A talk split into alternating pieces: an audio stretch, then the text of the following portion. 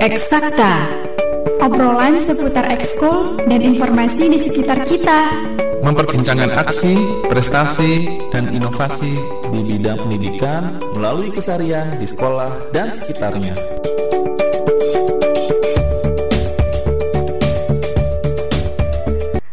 Dari Graha Media Pusdatin 1440 AM Suara Edukasi yang akrab dan mencerdaskan. Bisa didengarkan melalui streaming online di suaraedukasi.kemdikbud.go.id Halo apa kabar sahabat edukasi hari ini? Kami doakan dalam keadaan sehat walafiat, semangat ya. Semuanya punya cita-cita yang tinggi pastinya nih Khususnya adik-adik yang duduk di bangku SMA sederajat. Sekarang tentunya sedang fokus menyiapkan diri untuk menempuh tes masuk perguruan tinggi negeri ya dan tentu saja semua punya impian. Nggak harus negeri juga sih banyak juga ya yang punya impian sekolah di perguruan tinggi swasta yang diimpikan. Tapi mungkin banyak proses yang harus dilalui sekarang ini khususnya adik-adik yang bersiap-siap untuk mendaftar ke akun LTMPT ya kan? Uh, karena semua jalur masuk perguruan tinggi negeri dikelola oleh LTMPT ya. Nah, sahabat edukasi tentu saja khususnya adik-adik SMA sederajat sudah sedikit banyak tahu apa itu LTMPT dan bagaimana proses registrasi dan seterusnya. Tetapi barangkali juga masih ada yang belum berhasil ya untuk login dan sebagainya. Tetapi tenang saja karena disediakan waktu yang cukup ya sampai Februari awal. Jadi tidak usah tergesa-gesa yang sabar. Kalau hari Senin kemarin teman-teman yang sekarang juga sedang sama-sama berjuang itu sudah memberikan testimoninya bahkan untuk masuk ke page berikutnya halaman berikutnya itu bisa menunggu berjam-jam jadi sabar aja yang mengalami bukan adik-adik saja tapi teman-temannya juga pokoknya harus rajin-rajin membuka media sosial, melihat perkembangannya karena saling berbagi itu menguatkan ya adik-adik ya. Oh sama kok kendalanya seperti ini dan seterusnya. Nah, atau barangkali adik-adik yang sekarang ini juga masih terkendala nih secara administratif nih, belum juga memverifikasi, memvalidasi datanya, belum disimpan permanen, kira-kira kendalanya apa? Nah, ini saatnya. Insya Allah hari ini kita akan punya kesempatan ya nanti berbincang dengan narasumber dari Pusdatin karena Pusdatin untuk pelaksanaan tes masuk perguruan tinggi 2021 ini dilibatkan oleh RT MPT ya. Nanti narasumber hari ini adalah Bapak Elmanik Mustiko Hendro selaku koordinator substansi data dan statistik Pusdatin Kemendikbud. Dan jangan lupa tema hari ini integrasi data Dapodi Kemendikbud untuk akun LTMPT tahun 2021.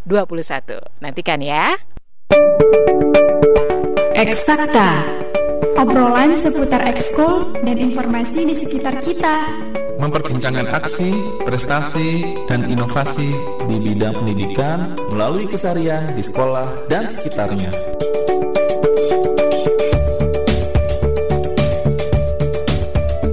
Ya, kembali lagi dari Geraha Media Pusdatin 1440 AM Suara Edukasi yang akrab dan mencerdaskan. Nah, jadi sahabat edukasi boleh mengajukan pertanyaan ya Terkait tema kita hari ini. Nah, sekarang kami sudah terhubung dengan seorang guru ya Partisipan hari ini. Kita sapa dulu. Halo, Assalamualaikum warahmatullahi wabarakatuh. Waalaikumsalam warahmatullahi wabarakatuh. Ibu. Mohon suaranya bisa lebih keras lagi. Baik, kami mendekat Ibu silahkan Oke. memperkenalkan diri, Bu. Oh, oke. Bismillahirrahmanirrahim. Assalamualaikum warahmatullahi wabarakatuh. Eh, saya Ibu Tuti, saya guru bimbingan kanseling dari SMA Negeri 2 Tangerang Selatan, Provinsi Banten. Iya, baik. Apa kabarnya? Sehat, Bu Tuti? Alhamdulillah baik, Iya. baik, sehat. Alhamdulillah. Eh, eh, untuk SMA N 2 Tangsel semuanya masih belajar di rumah ya, Bu ya? Berarti? Ah, Betul, kami masih PJJ. eh, namun saat ini eh, saya sih di sekolah, tapi tetap protokol kesehatan eh, karena kami lagi mempersiapkan untuk kelas 12 khususnya untuk pendataan eh, studi lanjut ke perguruan tinggi khususnya saat ini yaitu perguruan tinggi negeri. Iya, persis, Bu. Jadi semua deg-degan ya. Siswanya, gurunya, orang tuanya ya, Bu ya. Bagaimana, Bu?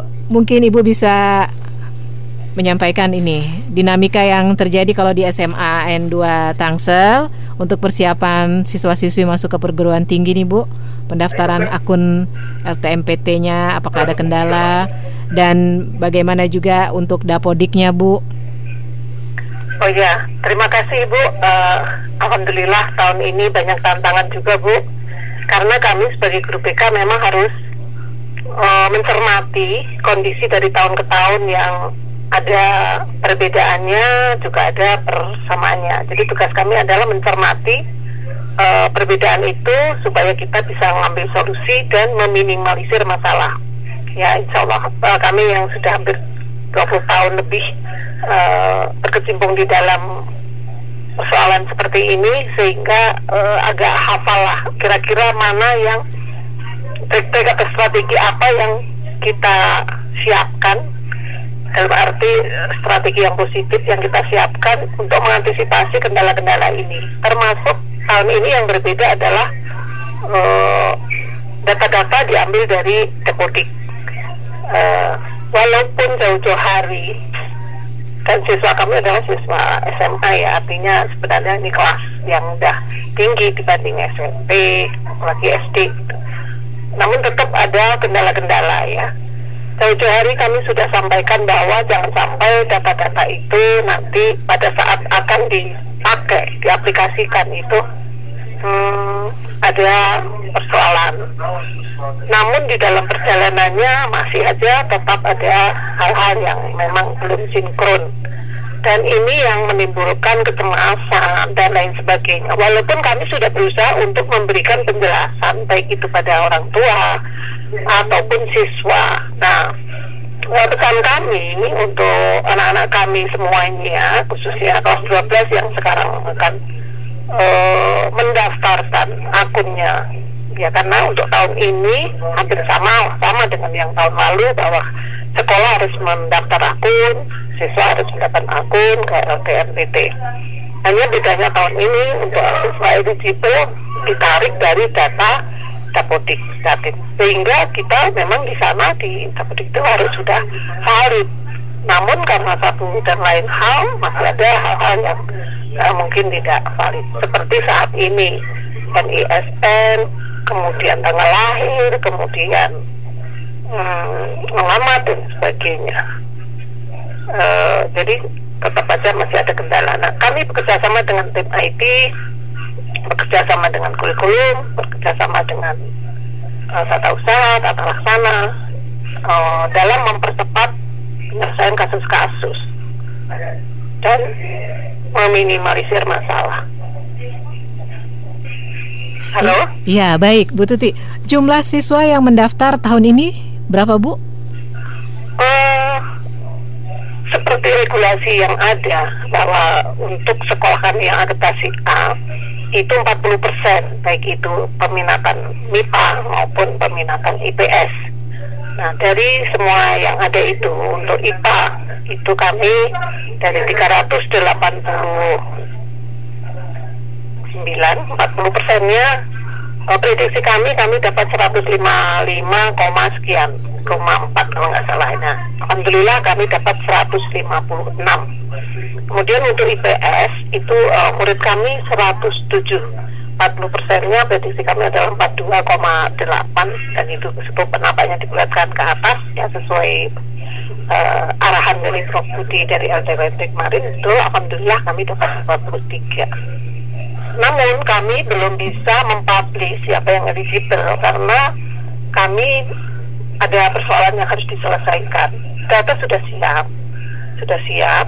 Uh, namun karena ada dua siswa kami yang lagi kita daftarkan melalui jalur karpet merah atau jalur khusus karena perolehan prestasinya di Olimpiade tingkat nasional yang akan melangkah ke internasional yaitu ilmu komputer dan ekonomi maka kami membutuhkan kepastian dulu dari khususnya Universitas Indonesia karena kedua siswa kami mendaftar ke sana.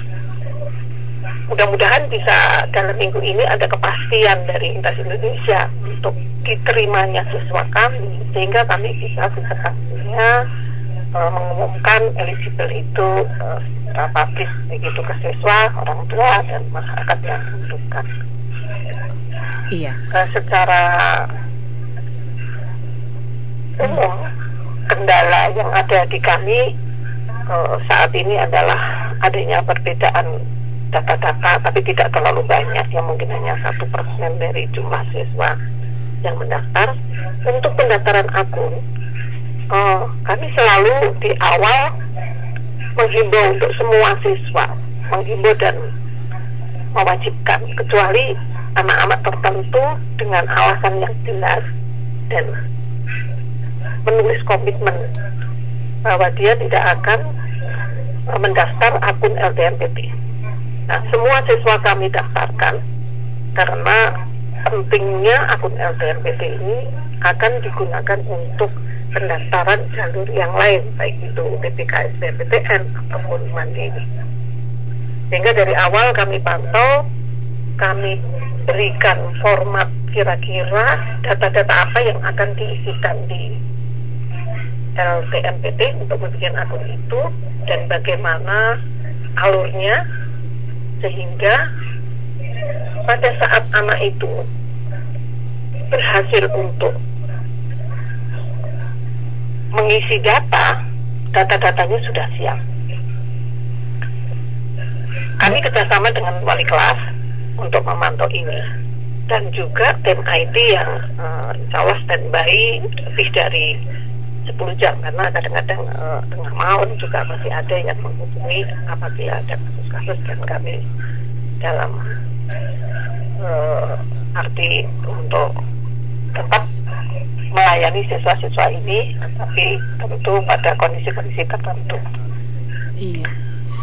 Barangkali uh, demikian yang bisa kita uh, sampaikan dalam hal pembimbingan membimbing membuat akun siswa. Iya baik. Nah kami memantau terus uh, kondisi siswa kami melalui akun sekolah yang kebetulan kami baru bisa hari Sabtu sore itu uh, berhasil untuk mempermanenkan data kami di akun sehingga kami bisa memantau pergerakan anak-anak ini dan kami terus koordinasi dengan wali kelas khususnya sebagai garda depan masing-masing kelas untuk uh, memantau kondisi siswa kami.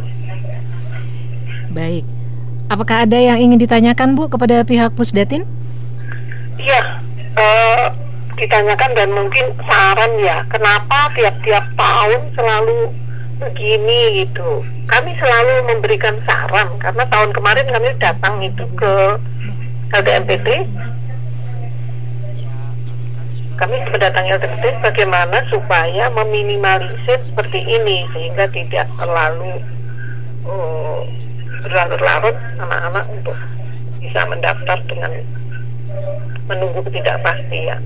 Seperti contohnya banyak yang anak-anak itu yang awalnya uh, termasuk siswa yang aktif dari data dapodiknya tiba-tiba hilang menjadi siswa yang tidak aktif dan ini menimbulkan kecemasan yang luar biasa pada anak-anak.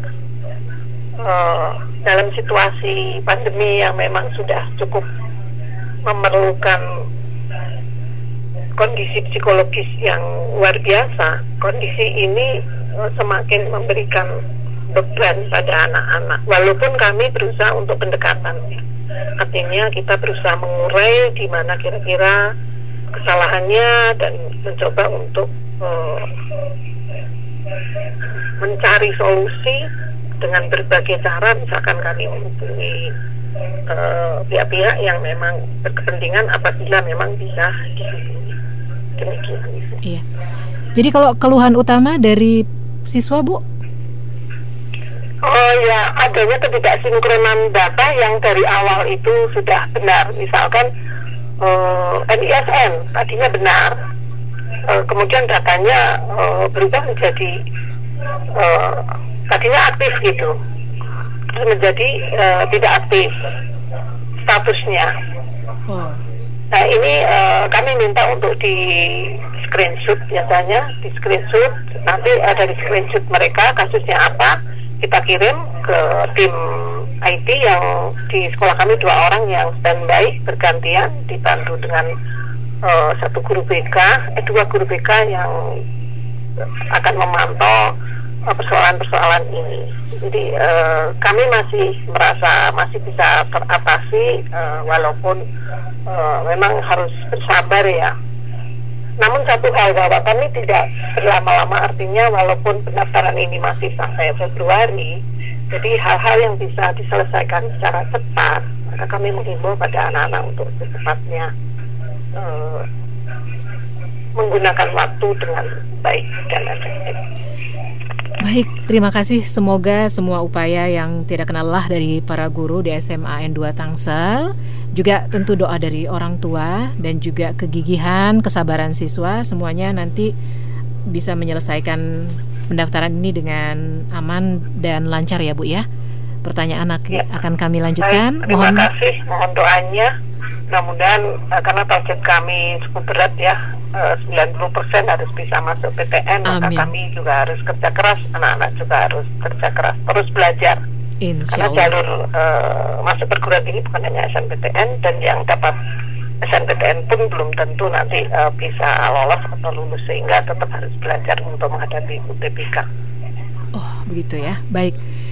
Doa kami menyertai Ibu, sukses selalu, sehat selalu. Mohon disimak jawabannya nanti ya Bu ya dari narasumber kami. Amin, amin. Baik. Ya, terima kasih Bu Tuti. Assalamualaikum warahmatullahi wabarakatuh. Waalaikumsalam warahmatullahi wabarakatuh. Baik sahabat edukasi, itu tadi ya dialog kami dengan Koordinator Guru BK dari SMA N2 Tangsel, Ibu Tuti. Nah, berikutnya kami juga akan mencoba menghubungi partisipan yang kedua. Setelah itu kita akan segera menghubungi narasumber hari ini tentunya ya untuk menjawab beberapa pertanyaan yang masuk yaitu Bapak Elmanik Mustiko Hendro dari Pusdatin Kemendikbud. Eksakta Obrolan seputar ekskul dan informasi di sekitar kita. Memperbincangkan aksi, prestasi, dan inovasi di bidang pendidikan melalui kesarian di sekolah dan sekitarnya. Kembali lagi dari Geraha Media Pusdatin 1440 AM Suara Edukasi yang akrab dan mencerdaskan. Bisa juga didengarkan streaming seluruh dunia ya Di suaraedukasi.kemdikbud.go.id Saat ini kita terhubung juga dengan seorang Wakil Kepala Sekolah dari Nusa Tenggara Timur. Kita sapa dulu. Halo, selamat sore. Selamat sore Ibu Bagaimana kabarnya NTT Pak? Cuaca cerah? Iya, cerah. Tadi sempat hujan tapi sudah berhenti. Baik, mudah-mudahan aman saja di sana ya Pak ya. Iya. Uh, boleh memperkenalkan diri, silahkan Pak.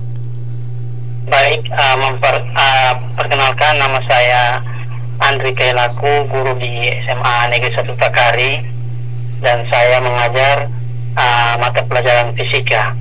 Iya, Bapak tentu juga ikut repot nih Pak ya mempersiapkan putra putrinya masuk ke perguruan tinggi negeri ya. Bagaimana ya. nih Pak? Uh, menurut saya uh, kita sebagai guru adalah agen pertama atau orang-orang yang punya peran untuk uh, memberikan suatu petunjuk kepada anak-anak untuk memilih masa depan mereka.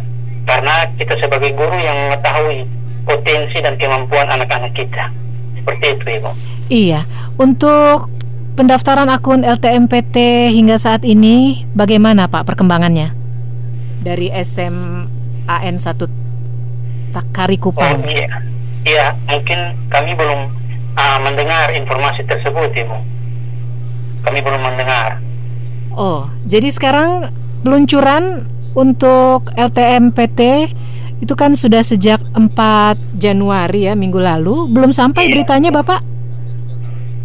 Uh, sepertinya belum ibu. Mungkin uh, operator atau di sekolah yang lebih tahu. Tapi kami belum mendapat informasi secara langsung.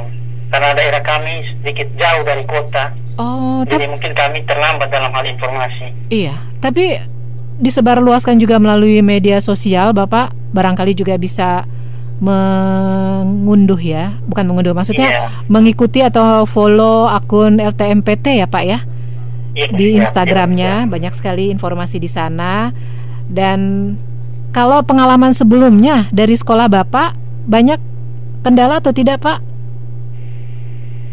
Ya, uh, mungkin uh, kendalanya uh, tidak terlalu karena banyak siswa-siswa kami yang uh, bisa bersaing dan lolos perguruan tinggi. Uh, tetapi untuk perguruan tinggi nasional itu kami belum untuk uh, beberapa tahun itu kami tidak anak-anak kami tidak lolos dan oleh sebab itu saya juga melalui kesempatan ini mungkin ingin bertanya uh, penyebab dari uh, tidak bisa bersaingnya anak-anak kami untuk lolos ke perguruan tinggi nasional yang mungkin ada di uh, pusat, ada di Jakarta, Jawa dan lain sebagainya.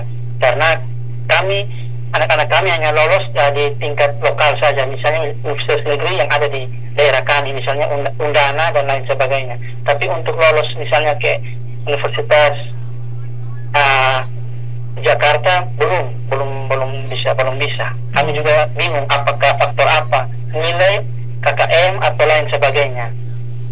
Oh ya. Itu. Tapi ya. kalau hari ini sebetulnya kami tidak terkonsentrasi untuk pembahasan hal tersebut, Pak, tetapi lebih ke ini integrasi data ini ya, data pokok pendidikan untuk siswa-siswi di seluruh Indonesia itu diambil dari Pusdatin ya, Pak ya. Jadi ya, ya. mungkin apakah dari sekolah Bapak itu anak-anak sekarang sudah mulai sibuk gitu mempersiapkan diri malah bapak menyatakan tadi belum ada ya?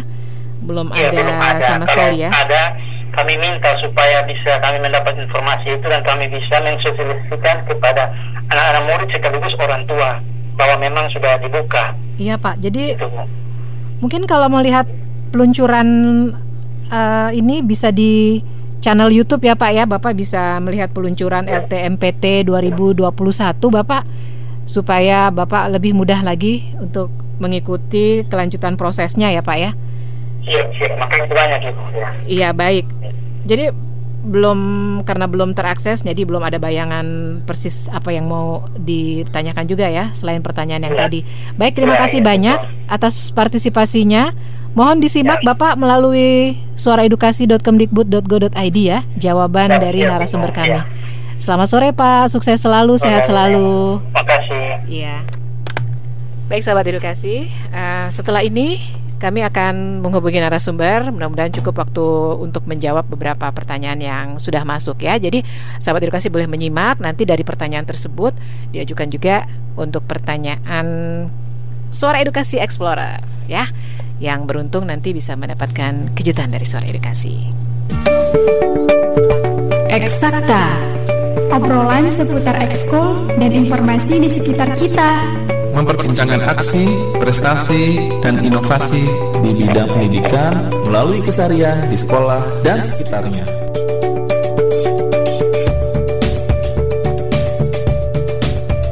Ya baik sahabat edukasi, ini saatnya kita terhubung dengan narasumber kita hari ini. Terima kasih sudah menunggu Bapak Elmanik Mustiko Hendro, Koordinator Substansi Data dan Statistik Pendidikan. Kami sapa beliau dulu.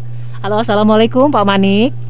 Waalaikumsalam Mbak Mura, selamat siang, salam sehat.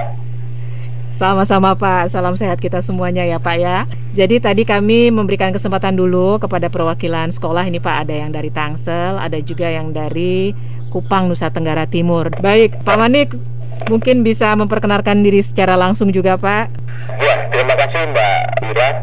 Saya Manik Mustiko Indro di sini sebagai koordinator tata kelola data dan sanksi pendidikan di Pusdatin. Ya. Nah, baik. Kita mulai nih Pak ya. Sejak peluncuran SNMPTN dan UTBK SBMPTN 2021 yang dilangsungkan 4 Januari minggu lalu ya Pak. Ketua LTMPT Profesor Nasih menyampaikan untuk penyelenggaraan tahun ini ada dua perubahan di antaranya terjadi integrasi vertikal di mana semua data pokok pendidikan siswa diambil langsung dari Pusdatin Kemendikbud nih Pak ya. Nah, ini seperti apa Pak riwayat pengintegrasian tersebut? plus minusnya mungkin bisa disampaikan juga. Monggo silakan Pak. Ya, terima kasih Mbak Mbak Ira. Jadi begini, minusnya mungkin perlu kita lihat kalau positifnya begini. Kita melihat dari isi undang-undang dasar 45 yang itu tertulis bahwa setiap warga negara berhak untuk mendapat pendidikan.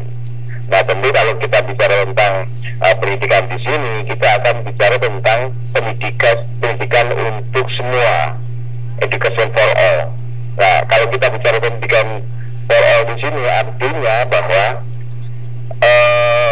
peserta didik itu harus berangkat dari kalau kita masuk ke perguruan tinggi negeri atau perguruan tinggi tentu harus dari berangkat SMA dulu kemudian masuk dari SMA harus masuk ke dari SMP, SMP dan seterusnya. Artinya bahwa uh, seseorang itu akan ketahui akan diketahui apakah uh, orang tersebut terlayani sekolah atau tidak Ya, jadi sebenarnya pelaksanaan ini salah satunya LKMPT ini adalah menerjemahkan dari eh, Undang-Undang Dasar 45 bahwa setiap warga negara berhak untuk mendapat pendidikan. Gitu mbak. Jadi lebih banyak positifnya.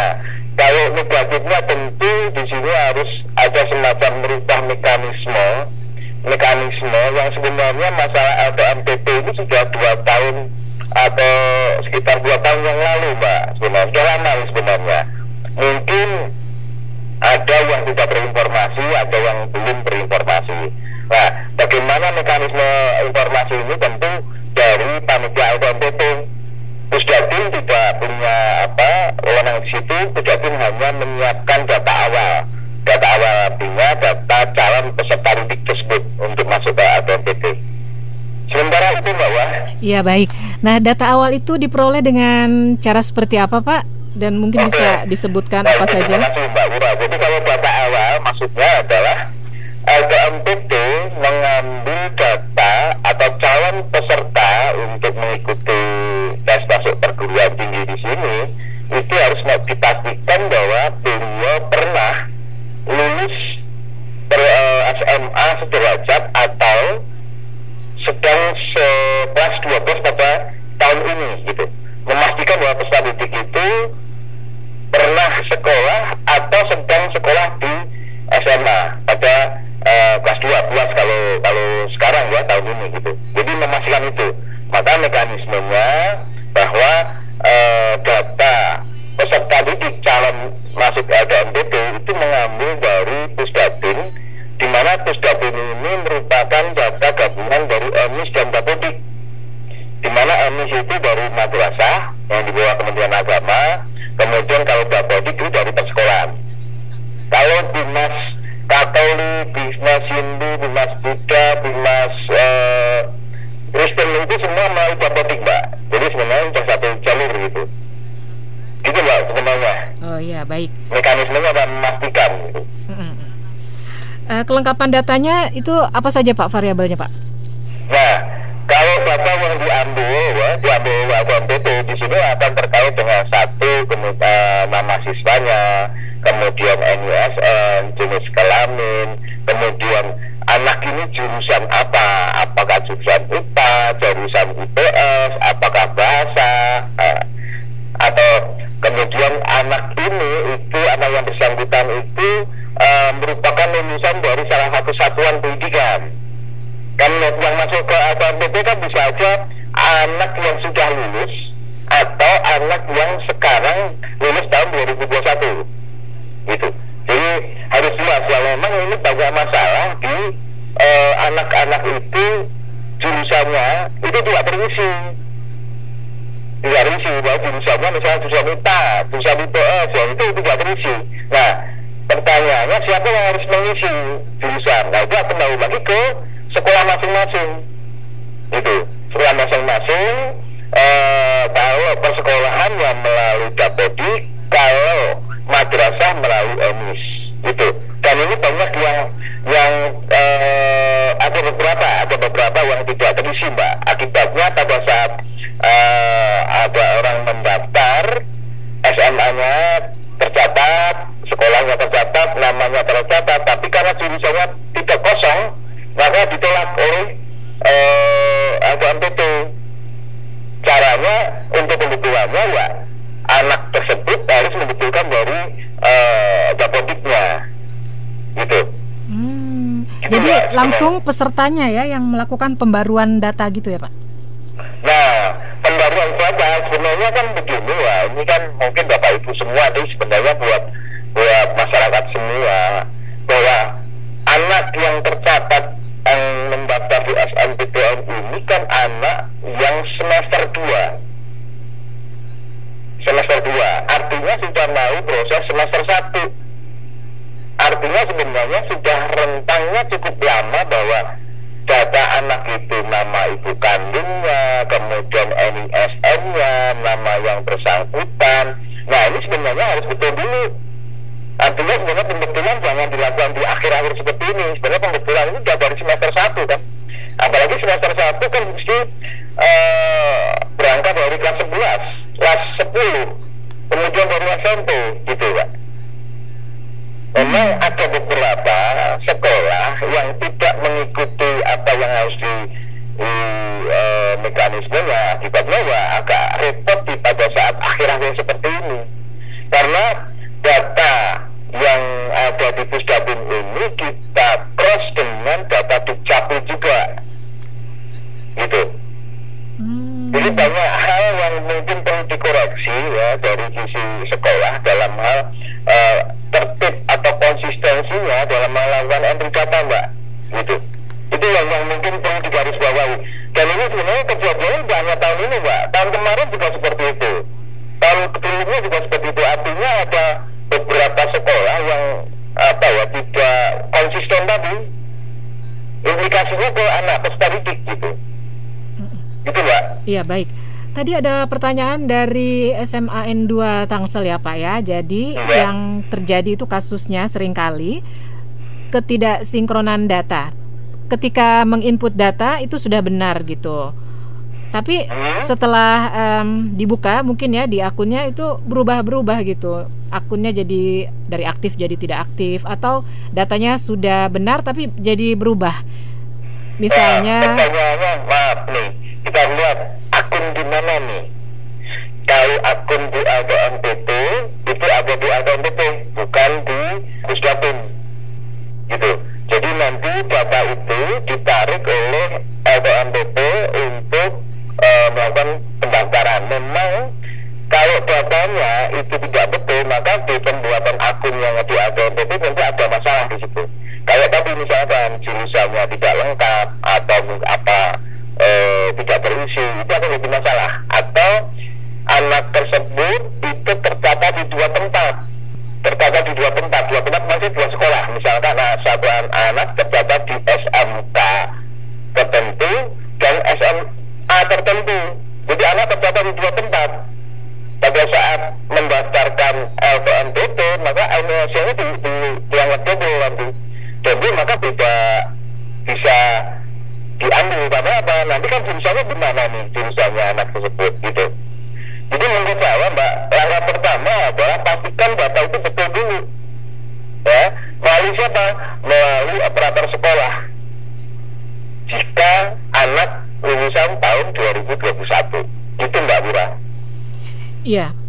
Uh, tapi bagaimana dari pihak sekolah ataupun peserta ini mengetahui kalau data yang terinput itu berubah gitu Pak? Karena mereka meyakini sudah menginput dengan benar ada bukti screenshotnya tetapi akhirnya tercetaknya berubah gitu Pak. Bahkan iya. jurusannya kadang-kadang mungkin menginput jurusan IPS gitu tetapi berubah jadi IPA dan selanjutnya. Nah betul. Jadi begini saya kembali lagi nih Mbak kembali lagi bahwa konsistensi itu kan datang dari datodik Nah, akunnya, akun auto MPT itu ada di mekanisme AGMPT, jadi kita tidak ikut terlibat di situ, Mbak. Maka pertanyaannya, ini masalahnya di auto MPT-nya atau data awalnya? Kalau data awalnya itu akan sesuai dengan data yang diambil oleh sekolah. Gitu, Mbak. Oke, baik. Untuk memeriksa kalau data awalnya itu sudah sesuai berarti harus ke Dapodik dulu. Pihak operator sekolah harus memastikan ke Dapodik begitu, Pak? Betul sekali, betul sekali. Jadi semua semua ada uh, di bawah kontrol uh, sekolah. Karena kan yang bisa menentukan bahwa si A jurusan uh, IPS, si B jurusan si IPA itu kan ada di sekolah.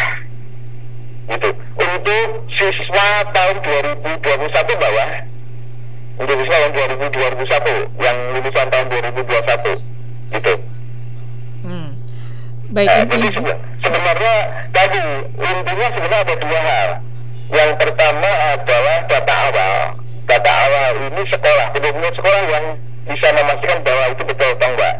Nah, sebenarnya di, di vertal mungkin kalau di setiap sekolah ada yang tahu yang namanya vertal PD. Dia tahu sekolah bisa ada dashboardnya. Ini siswa ini double, siswa ini masih salah, siswa ini belum tertulis apa jurusannya dan segala macam ada di situ sebenarnya. Jadi sebenarnya sekolah bisa melihat gitu. Baik, ini masih melanjutkan ya Pak ya uh, pertanyaan dari SMA N2 Tangsel. Jadi kondisinya NISN di LTMPT sekolah aktif, tapi dicek di NISN Kemendikbud tidak aktif, begitu Pak? Ah, ini mungkin sifatnya kasuistik ya. Pertanyaannya ini dari sekolah mana dulu nih? Oh iya, SMA N2 Tangerang Selatan Pak. Saya rasa itu sangat tidak mungkin karena data itu uh, aktif ini gini pertanyaannya Mbak bahwa tidak aktif di Kemendikbud ini termasuk anak lulusan ini lulusan bukan lulusan tahun 2021 lulusan tahun 2020 atau 2019 maka di Kemendikbud statusnya tidak aktif. Hmm. gitu. Jadi ada dua hal. Dua hal yang membedakan antara anak yang lulusan 2021 yang sekarang ini mbak yang sekarang masih kelas 12 Iya. atau anak yang lulus tahun 2020 atau 2019 kan masih bisa masuk ke LKMPT dua tahun mundur itu masih bisa. Setahu saya seperti itu. Nah kalau anak yang lulusan tahun 2020 dan 2019 tentu di, di database Kementerian Pendidikan statusnya anak itu tidak aktif. Karena tidak sekolah. Sudah tidak sekolah. Oh. Tetapi jadi, Hmm. jadi perlu dibedakan antara anak yang sekarang sedang sekolah atau tidak sekolah. Gitu. Oke, baik yang mengikuti tahun ini eh, status ketidakaktifannya artinya tidak tercatat sebagai siswa aktif di sekolah tersebut, tapi bisa mengikuti itu ya Pak ya eh, ujian tahun ini gitu ya, bisa mendaftarkan akun. kalau setahu saya, setahu saya itu eh, LKMPT kalau dua tahun mbak, dua tahun ke belakang gitu, bisa bisa mendaftar lagi. Jadi perlu dicatat. Jadi kalau eh, status tidak aktif itu bukan berarti tidak bisa melanjutkan itu ya Pak ya proses Bukan, bukan. Mengikuti tahun Tidak ini. artinya memang tidak sekolah kan mbak. Kalau misalkan eh, ada orang lulus tahun 2020, pertanyaannya sekarang posisinya aktif atau tidak? Di SMA. Kan tidak aktif mbak. Iya. Jadi itu menjelaskan ya. Di Kemendikbud kan berarti tidak sekolah, tidak di sekolah di SMA. Sekarang posisinya tahun sekarang. Oke. Baik. Gitu. Ya. informasi aktif tidak aktif itu adalah menunjukkan posisi tahun ini, gitu mbak. Baik. Akunnya tetap aktif begitu ya Pak? Ya. Apa ya? Akun LTMPT-nya tetap bisa aktif begitu ya Pak? Oh iya, iya. Pak kan punya mekanisme sendiri yang boleh lulusan tahun sebelumnya boleh daftar, Mbak. Iya. Ini berikutnya Pak dari Mm-mm. SMA 2 Tambang Riau ya Pak ya. Oke, siap, Bu. Assalamualaikum, izin bertanya Bapak, alamat yang diminta LT LTMPT alamat yang sesuai dengan kakak. Namun ada beberapa anak di kakaknya tidak ada nama jalan, cuma dusun, sedangkan di raport ada. Bagaimana solusinya, Pak? Di LTMPT membutuhkan nama jalan anak. Halo? Iya, uh-uh. Jadi kalau di LTMPT itu alamatnya sesuai kakak, tapi ada Hmm. beberapa anak yang kakaknya tuh tidak ada nama jalan, hanya nama dusun. Kalau di raport ada, itu solusinya bagaimana, Pak? Iya, sebenarnya apa yang diambil di Dapodik itu nanti yang akan ditarik ke LTMPT. Harus konsisten begitu ya, Pak? Iya, harus konsisten gitu. Jadi nanti data Dapodik itu yang ditarik ke LTMPT. Tapi kalau misalkan alamat ya, alamat ini alamat enggak dulu. Kalau alamat saya coba pastikan bahwa eh, tidak sampai ke alamat siswa, Mbak. Karena hanya hanya bicara anak ini sekolah di mana, eh, jurusan apa, kemudian eh, posisinya apakah masih aktif atau tidak gitu. Aktif dan tidak tapi maksudnya yang sekarang kelas 12, kalau yang tidak itu yang tadi lulusan tadi. Oh begitu. Ya. Iya. Nah ini yang tadi nih Pak melanjutkan lagi. Jika status siswa tidak aktif di portal Kemdikbud ya tadi sudah dijelaskan ya Pak ya, maksudnya tidak Ya. aktif, tapi statusnya aktif di LTMPT akun sekolah, apakah tidak mengapa diverifikasi datanya? Oh, tidak. Jadi kalau kalau itu kan sebenarnya di Kemdikbud itu, ya tadi saya kembali lagi juga tuh, Mbak. Status aktif dan tidak aktif ini tidak berpengaruh ke LTMPT. Berpengaruhnya adalah tadi jika tidak konsisten. Misalkan gini, pada saat anak lulusan tahun 2020, ya 2020 dengan anniversary tertentu. Pada saat dia mendaftar di LTMPT, dia kan memasukkan anniversary Ya. maka LSM itu akan dicek ke Kementerian Pendidikan dulu sekolahnya di mana anak ini. Nah, dulu di mana nah, ini harus terjawab. Di kita ada ada rekan didiknya bahwa anak ini dulu pernah di sekolah di SMA 1 misalkan. Nah, nanti ini sebagai eh, konfirmasi atau PP gitu. Iya Pak. Itu Mbak Budi. Untuk untuk lulusan ya, lulusan. Dijelaskan di sini siswanya bukan lulusan tahun lalu Pak, tapi masih kelas 12 saat ini. Uh, barusan dicek di uh, di laman referensi data kemdikbud.go.id garis miring NISN stat- tapi status aktifnya tidak aktif di sekolah. Itu kenapa? Padahal kira-kira lima hari lalu dicek aktif. Jadi berubah-berubah mungkin begitu ya Pak ya? Eh, sebenarnya tidak. Memang sekarang kan baru ada data bahwa Dapodik itu baru eh, update data di semester 2 ini. Hmm, Semester 2. Iya seperti itu ya baik ini masih ada pertanyaan lanjutan ya Pak ya Hmm. mohon maaf ya Iya, Mbak, nggak apa-apa. iya sebentar Coba bisa Mbak, yang anniversary berapa Mbak? Bisa nggak dia nyebutin anniversary Mbak? disebutkan di sini Bapak Berapa Mbak? Ya, NISN-nya 00 Hmm, 31 hmm, 770 hmm. 302 Berapa? Dua. 302 Iya, 302. Saya ulangi Mbak, Wak. iya. 00 17 Bukan Pak, 00 Ulang Pak. 003 saya ulangi, saya ulangi. 003 003 177 177 0302 302 003177 kalau 302 ya Eh, Habis 7 kosong Pak. 0031 bentar dulu, bentar dulu 0031 7703 kosong berapa? 7703 ya 02 02 Namanya perlu Pak? eh eh, ini mbak mbak Bu Beras ya? Iya, Iya, betul. Sekolah SMA 2 Kota Tangerang Selatan betul Pak Ya, Ketua Tangerang Selatan. Nah, ini memang sekarang sedang update kelas 12 lah. Ini data data kita sedang update nih.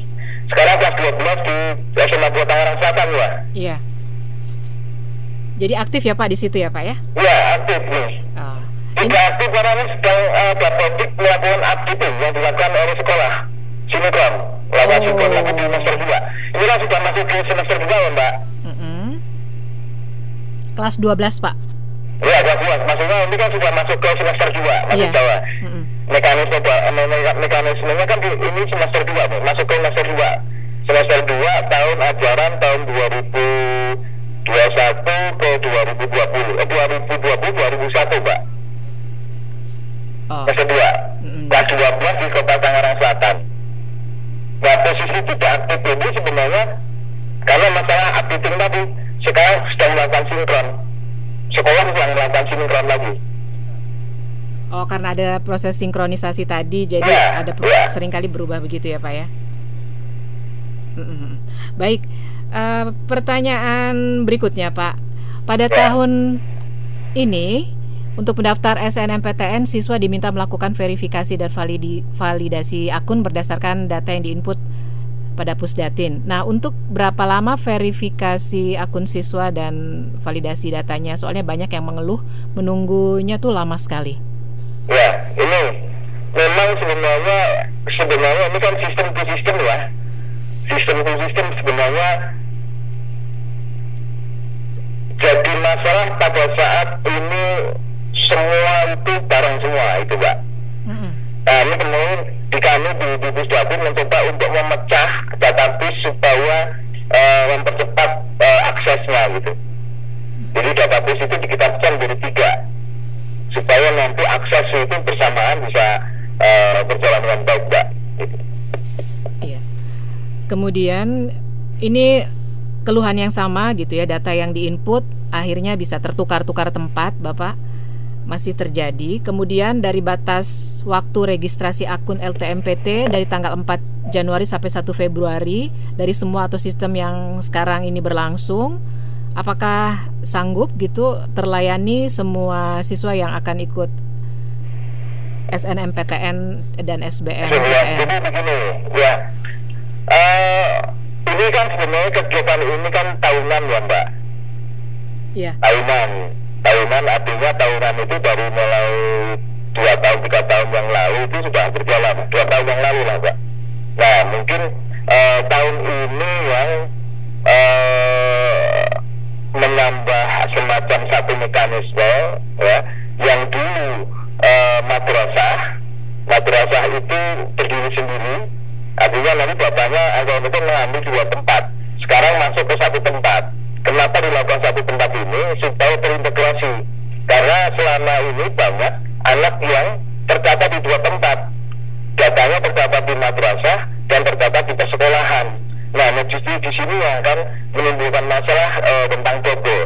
Nah, kalau double ini kan artinya memberi eh, mengurangi peluang eh, teman-teman yang lain atau anak-anak lain gitu. Maka pada saat di ABMPT ada satu proses merger yang dipastikan bahwa satu data, satu anak dan satu ID itu dengan cara mengintegrasikan data dari Kemenak dan data dari Kementerian Pendidikan itu gabung menjadi satu di Pusdatin.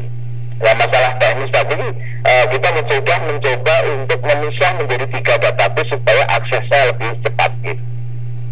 Begitu ya Pak ya. Gitu Mbak Fira. Ya. Iya. Lanjutkan lagi masih bisa ya Pak ya? Oh, bisa, bisa, bisa. Iya.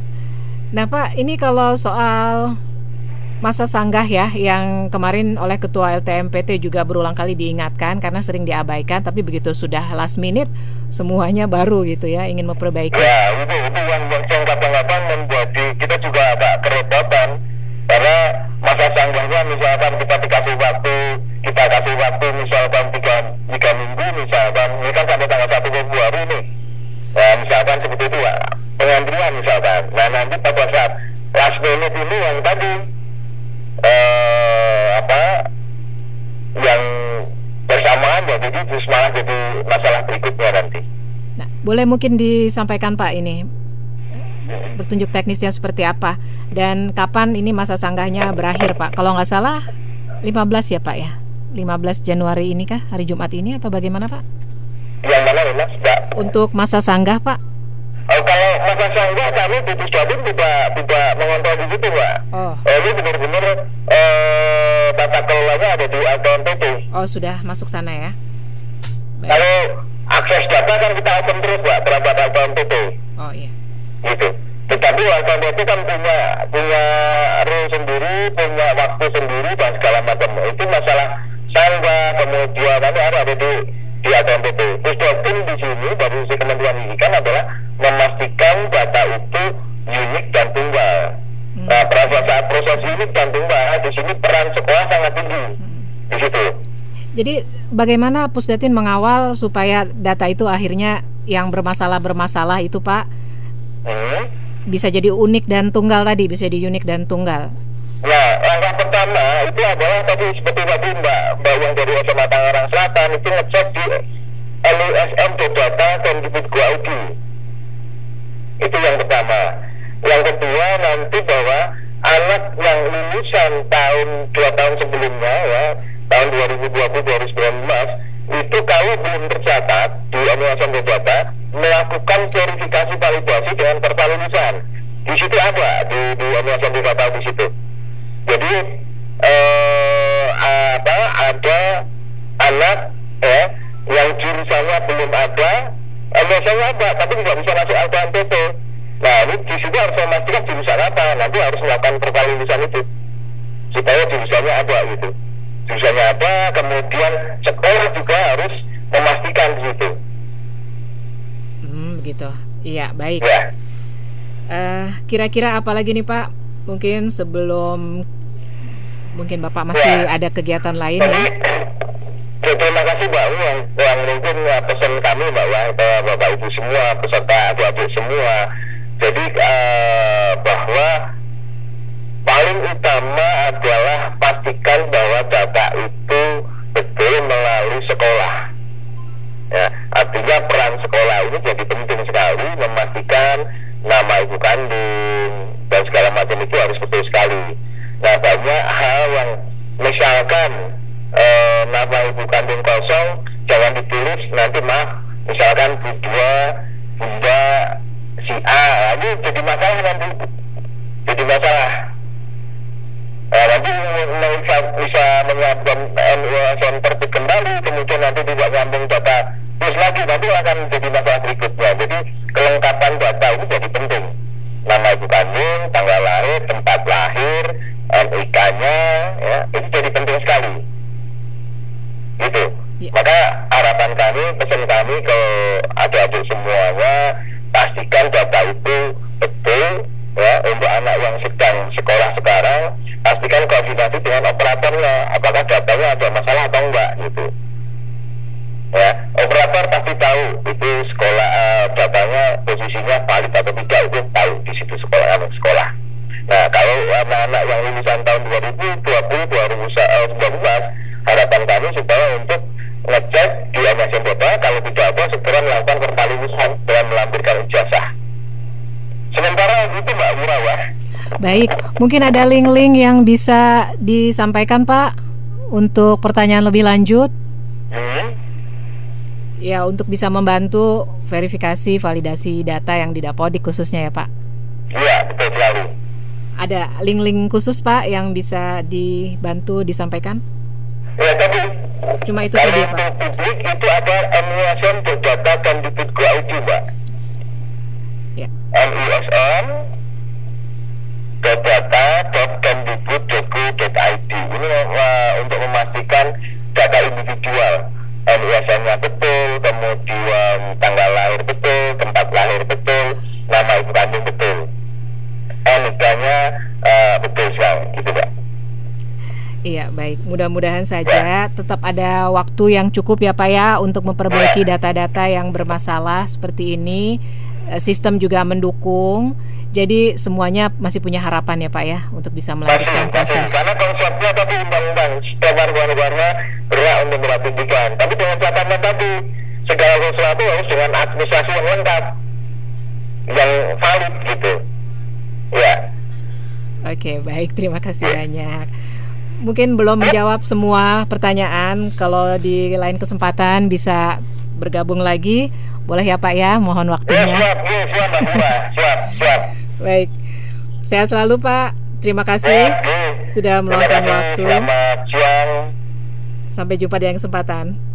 Ya. Iya, sehat selalu. Iya, baik sahabat edukasi. Terima kasih sekali lagi untuk narasumber hari ini, Bapak Elmanik Mustiko Hendro, selaku koordinator substansi data dan statistik pendidikan Pusdatin Kemendikbud. Ya, kurang lebihnya nanti kita bisa berkomunikasi dan berkoordinasi lagi ya untuk Bapak Ibu guru, adik-adik semuanya, tetap semuanya bersabar ya melalui proses ini. Tentunya menuju sebuah cita-cita itu ada ya ujian-ujiannya ya yang sabar ya adik-adik dan juga ini operator sekolahnya banyak sekali pas ini pekerjaannya, waktunya, energinya semua juga tersita insya Allah ya untuk yang terbaik dari siswa-siswi di sekolah masing-masing. Kami segera kembali. Eksakta. Obrolan seputar ekskul dan informasi di sekitar kita. memperbincangkan aksi, prestasi, dan inovasi di bidang pendidikan melalui kesarian di sekolah dan sekitarnya. Iya, masih dari Gramedia Pusdatin 1440 AM Suara Edukasi yang akrab dan mencerdaskan Ya, ini sekarang saya juga sambil membuka Instagram LTMPT Official Ya, karena saya tadi mengingat apa yang disampaikan oleh Pak Andri Kailaku dari SMA N1 Takari Kupang, Nusa Tenggara Timur. Ternyata berita launching akun LTMPT ini belum sampai gitu di Nusa Tenggara Timur ya. Aduh, mudah-mudahan sih segera ya sampai karena kan jadwalnya itu sudah berjalan. Saya bacakan ya. Kalau untuk layanan masa sanggah kuota dijadwalkan sejak 28 Desember sampai 15 Januari 2021. Jadi tadi juga kan dari SMA N2 Tangsel belum merilis ya data siswa yang eligible nah, tadi itu karena masih ada masa yang diberikan sampai 15 Januari nanti. Kemudian untuk registrasi akun LTMPT-nya itu cukup panjang juga ya dari 4 Januari kemarin per jam 3 sore atau pukul 15 waktu Indonesia Barat sampai tanggal 1 Februari 2021 per pukul 15 juga ya kalau tidak salah waktu Indonesia Barat. Yang berikutnya untuk penetapan siswa eligible oleh sekolah. Nah, kalau ini penetapan siswa artinya sudah keluar nama-nama ya. Ini oleh sekolah itu berlangsung dari 4 Januari sampai 8 Februari gitu. Ya mudah-mudahan gitu kuotanya cukup besar. Dan untuk pengisian PDSS-nya itu berlangsung 11 Januari sampai 8 Februari 2021. Sedangkan pendaftaran SNMPTN-nya nanti 15 Februari sampai 24 Februari 2021. Dan pengumuman hasilnya nah ini dia. 22 Maret 2021. Semuanya itu lengkap ya, bisa di diikuti informasinya di Instagram LTMPT Official.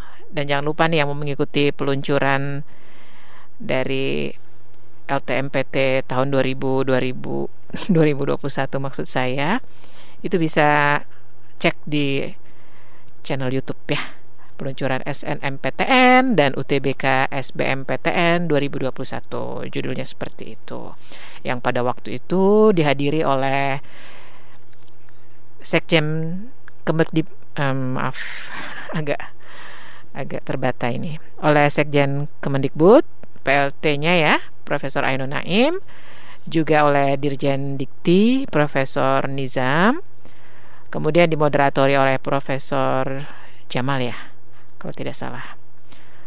Dan akhirnya disampaikan paparannya juga oleh Ketua LTMPT Profesor Muhammad Nasih. Sedangkan untuk wakil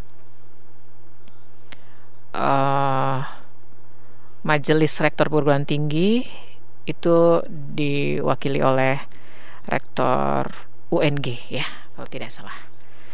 Nah, seperti itu. Oke, sahabat edukasi, seperti sempat tadi Kak Hani sampaikan juga bagi sahabat edukasi yang membuka Instagram Suara Edukasi.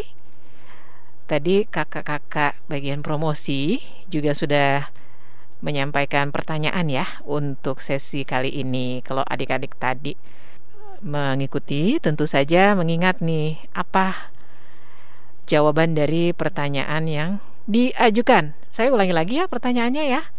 Untuk hari ini pertanyaannya adalah apa fungsi Pusdatin Kemendikbud dalam proses seleksi masuk perguruan tinggi negeri atau PTN tahun 2021?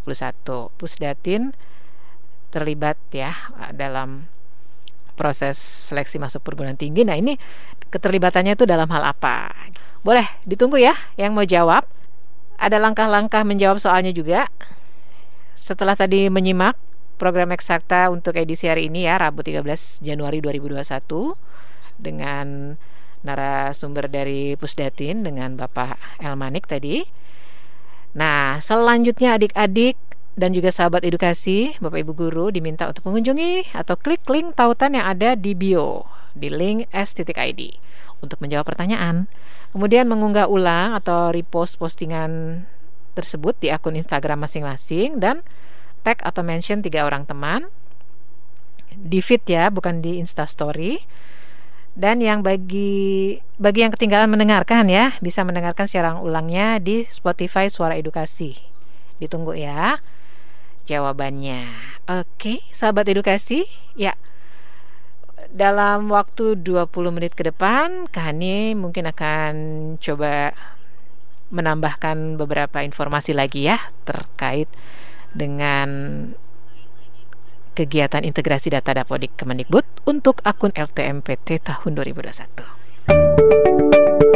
Eksakta obrolan seputar ekskul dan informasi di sekitar kita. Memperbincangkan aksi, prestasi, dan inovasi di bidang pendidikan melalui kesarian di sekolah dan sekitarnya.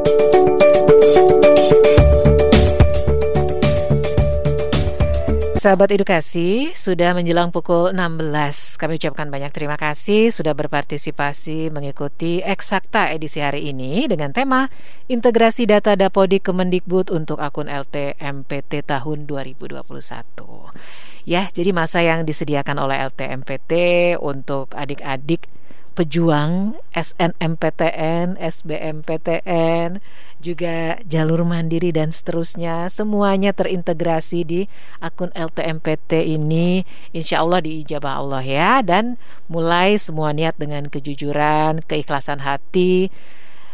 Dan juga jangan lupa minta doa restu dari orang tua, guru, perbaiki diri ya, perbaiki motivasi, perbaiki apalagi mindset ya kan. Dan harus ikhlas berjuang. Dan jangan lupa sekali lagi untuk adik-adik juga rajin-rajin cek Instagram LTMPT official ya di situ supaya mengingatkan kapan nih jadwal selanjutnya dan seterusnya. Jangan lupa koordinasi terus kepada Bapak Ibu guru, operator, guru pembimbing, guru BK di sekolah dan jangan lupa aduh doa berdoa berdoa berdoa itu penting banget gitu ya.